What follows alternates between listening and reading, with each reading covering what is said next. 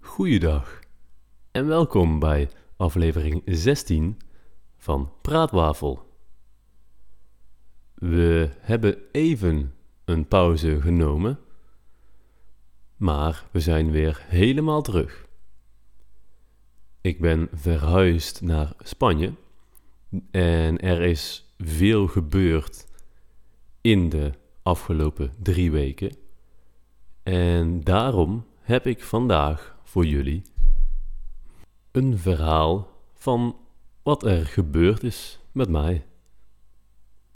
Mocht je dingen niet begrijpen, luister de podcast dan nog een keer of stuur mij een bericht op dennis.v.loon.hotmail.com of op Instagram dennis.v.loon. Het verhaal. Ik was in mijn Airbnb, in mijn kamer. Toen klopte de eigenaar van de Airbnb op mijn deur. Hij zei: Dennis, ik moet jou een serieuze vraag stellen. Ik dacht: Oké. Dus ik ging naar buiten. En daar stond hij met een vriend. Een grote, gespierde vriend. Deze vriend zei tegen mij: Jij hebt zijn geld gestolen. Ik dacht: Hè? Wat? Dus ik zeg: Wat? En hij zei nog een keer: Jij hebt zijn geld gestolen. Ik wist niet wat ik moest doen. Ze spraken Russisch en heel slecht Engels, dus het was lastig om te praten. Toen zei hij: Ja, ik heb een video waar jij stilt. En de video is al bij de politie. Hij zei: Je kan kiezen. Je kan nu het geld teruggeven, of de politie komt en neemt je mee. Ik dacht: Wat? De politie komt me halen. Ik was drie dagen in Valencia, Spanje. Ik was een beetje bang, natuurlijk. Dus ik dacht, wat moet ik zeggen? Toen dacht ik, oké, de video wil ik zien. Dus ik zeg, um, de video wil ik graag zien.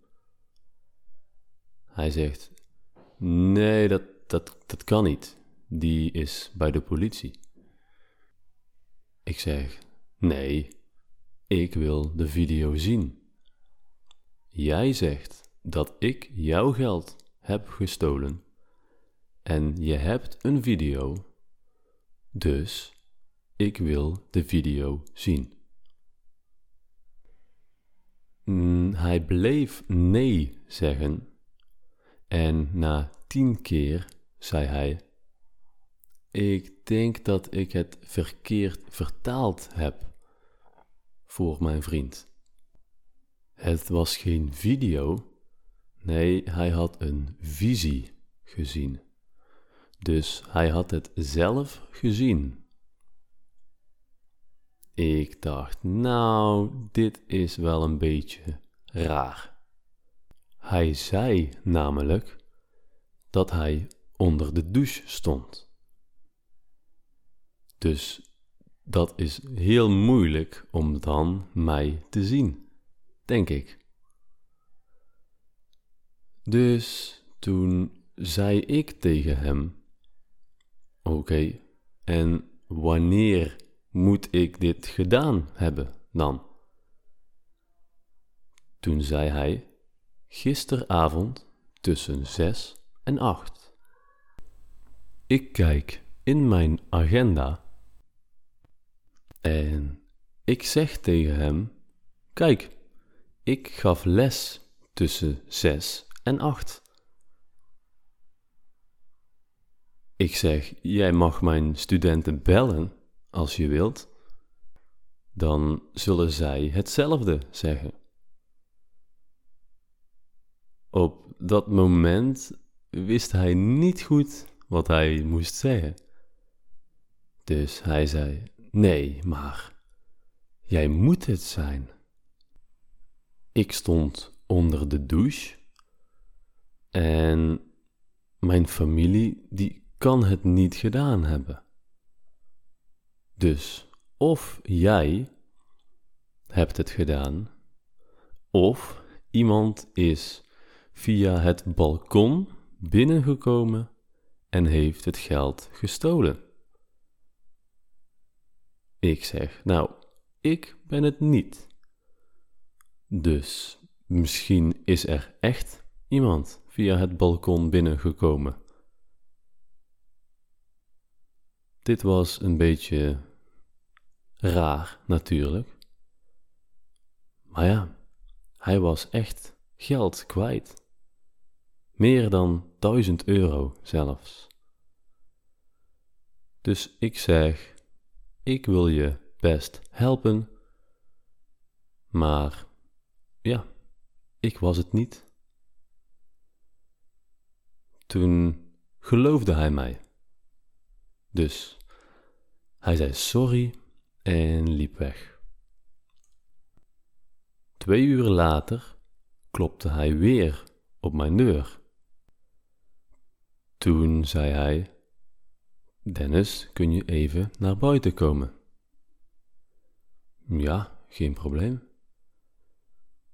Hij had een fles wijn en een chocoladereep gekocht voor mij. Om het goed te maken.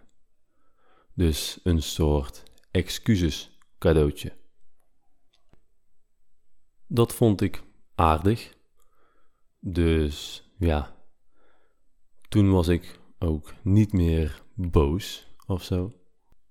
Maar ja, als je drie dagen in een nieuw land bent, mensen spreken een taal die jij niet kent, dan is het best eng om beschuldigd te worden van diefstal. Oké. Dit was het verhaal. Ik hoop dat je het een interessant verhaal vond en ik hoop dat je het begrijpt. Mocht je het dus niet begrijpen, luister het gewoon nog een keer. Als je het dan nog niet begrijpt, luister je het nog een keer. Begrijp je het dan nog niet? Stuur me dan zeker een bericht naar dennis.v.loon.hotmail.com of Instagram dennis.v.loon. Ik wil jou wederom bedanken voor het luisteren naar Praatwafel. En heb je ideeën of zo? Laat het me weten. En anders, tot de volgende keer.